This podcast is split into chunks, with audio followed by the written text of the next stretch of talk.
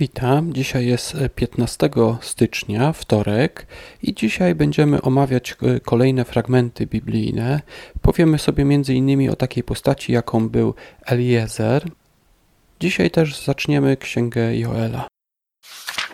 Księga Rodzaju, rozdział 15. W wersecie drugim tego rozdziału czytamy takie słowa. Abram rzekł: o Panie, mój Boże, na cóż mi ona, skoro zbliżam się do kresu mego życia, nie mając potomka? Przyszłym zaś spadkobiercą mojej majętności jest Damasceńczyk Eliezer. Ten Eliezer z Damaszku był sługą Abrahama, a według tamtego prawa, które wtedy, którego ludzie wtedy przestrzegali, po bezdzietnym małżeństwie dziedziczył ich sługa. Kolejnym z rozdziałów poznamy może inne prawo, ale warto może pamiętać o tym, że to prawo, które tutaj Abraham wymienia, było to prawo, y, które stosowano w tamtych czasach. Jest ono zapisane m.in. w kodeksie Hammurabiego. Później ten piętnasty rozdział mówi o tym, że Bóg obiecuje Abramowi, że będzie miał jednak potomstwo i w szesnastym wersecie czytamy tak. Twoi potomkowie powrócą tu dopiero w czwartym pokoleniu, gdy gdy już dopełni się miara niegodziwości Amorytów. Ten fragment pokazuje, że Bóg zamierzył dać Abramowi ziemię Amorytów, uważał, że oni popełniają wiele grzechów, ta ziemia zostanie im zabrana, ale zauważmy, w czasach, kiedy żył Abram, ich miara niegodziwości jeszcze się nie dopełniła.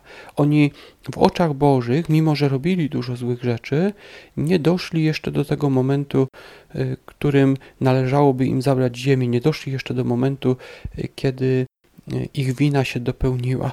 Bóg, zobaczmy, daje im jeszcze cztery pokolenia. W czwartym pokoleniu potomkowie Abrama mieli wrócić i dopiero wtedy e, wina Amorytów miała się dopełnić. Pokazuje to dość dużą cierpliwość Bożą i to, że nie wydaje On wyroków e, tak od razu na ludzi. Nawet mimo to, że nie podoba mu się to, co ktoś może robić. Pierwsza kronik, rozdział 15. E, tutaj czytamy o tym, że Dawid jednak doszedł do wniosku, że pierwszym razem, za pierwszym razem źle transportowano arkę i w wersecie drugim czytamy Wtedy rzekł Dawid, nikt nie powinien nosić Arki Bożej oprócz Lewitów, albowiem to ich wybrał Pan do noszenia Arki Bożej i do obsługiwania jej na wieki. Tak więc Dawid albo poszedł do kapłana, który powiedział mu, jaki błąd popełnili, kiedy transportując arkę y, przy pomocy y, krów, albo sam przeczytał to w prawie mojżeszowym. Tak więc Dawid wiedział już, gdzie popełnili wtedy błąd i być może z pretensją powiedział do kapłanów w wersecie 13.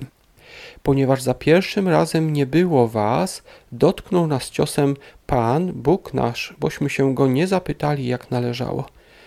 Ja tutaj w tym wersecie czuję taką pretensję, bo tu y, Dawid zwraca się do kapłanów, król Dawid mówi do kapłanów, że za pierwszym razem was nie było i z tego powodu Bóg dotknął nas ciosem.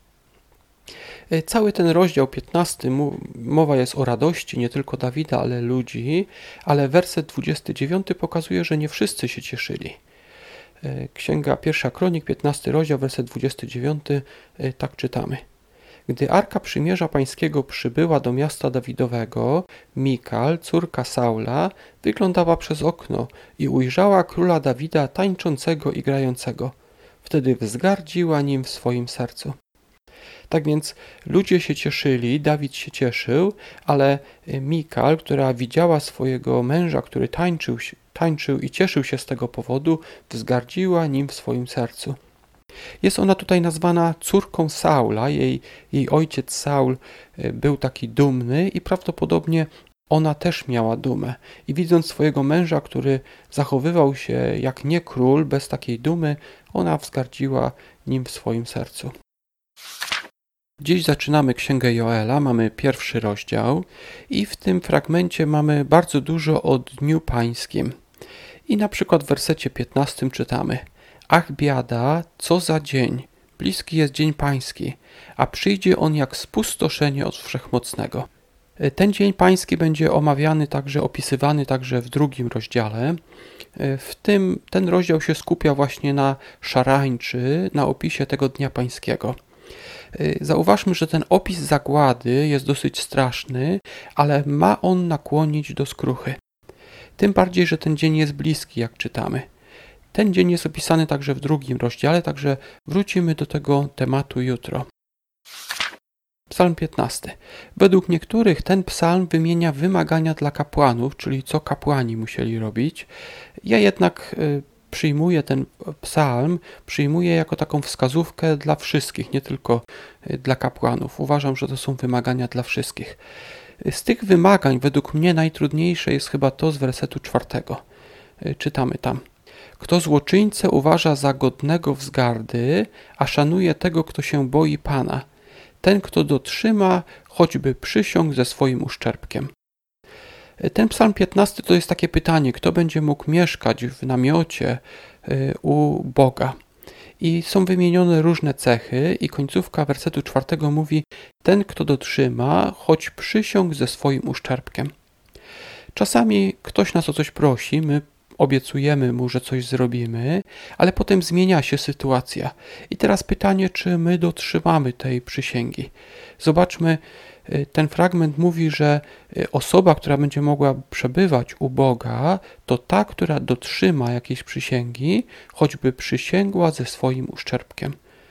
Mi się wydaje, że to jest właśnie jedna z trudniejszych rzeczy do przestrzegania. Księga Przysłów, drugi rozdział, wersety od 11 do 13. Dalej tutaj czytamy o mądrości. Werset 11 mówi tak: Rozwaga pilnować cię będzie, roztropność na straży twej stanie. Ta rozwaga i roztropność będzie strzec przed drogą występku oraz przed tymi, którzy nią kroczą. Ludzie, którzy chodzą taką drogą występku, bardzo często namawiają nas, żebyśmy dołączyli do nich, i rozwaga i roztropność będą nas pilnować. Czyli inaczej mówiąc, kiedy oni zaproponują nam coś, my to rozważymy, nie podejmiemy decyzji od razu. Z rozwagą i roztropnością e, będziemy badać wszystkie sprawy, zastanawiać się, co przyniesie przyszłość, gdybyśmy podjęli taką decyzję. Tak więc ta rozwaga i roztropność będą nas pilnować i będą stać na naszej straży, oczywiście pod warunkiem, że będziemy mieli te dwie cechy i jeżeli pozwolimy, bo jest potrzebny czas, aby coś rozważyć. E, dziękuję Wam za wysłuchanie. Zapraszam oczywiście do kolejnego odcinka jutro, a więc do usłyszenia.